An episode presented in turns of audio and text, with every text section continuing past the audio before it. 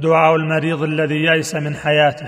يقول اللهم اغفر لي وارحمني والحقني بالرفيق الاعلى ويقول جعل النبي صلى الله عليه وسلم عند موته يدخل يديه في الماء فيمسح بهما وجهه ويقول لا إله إلا الله إن للموت سكرات.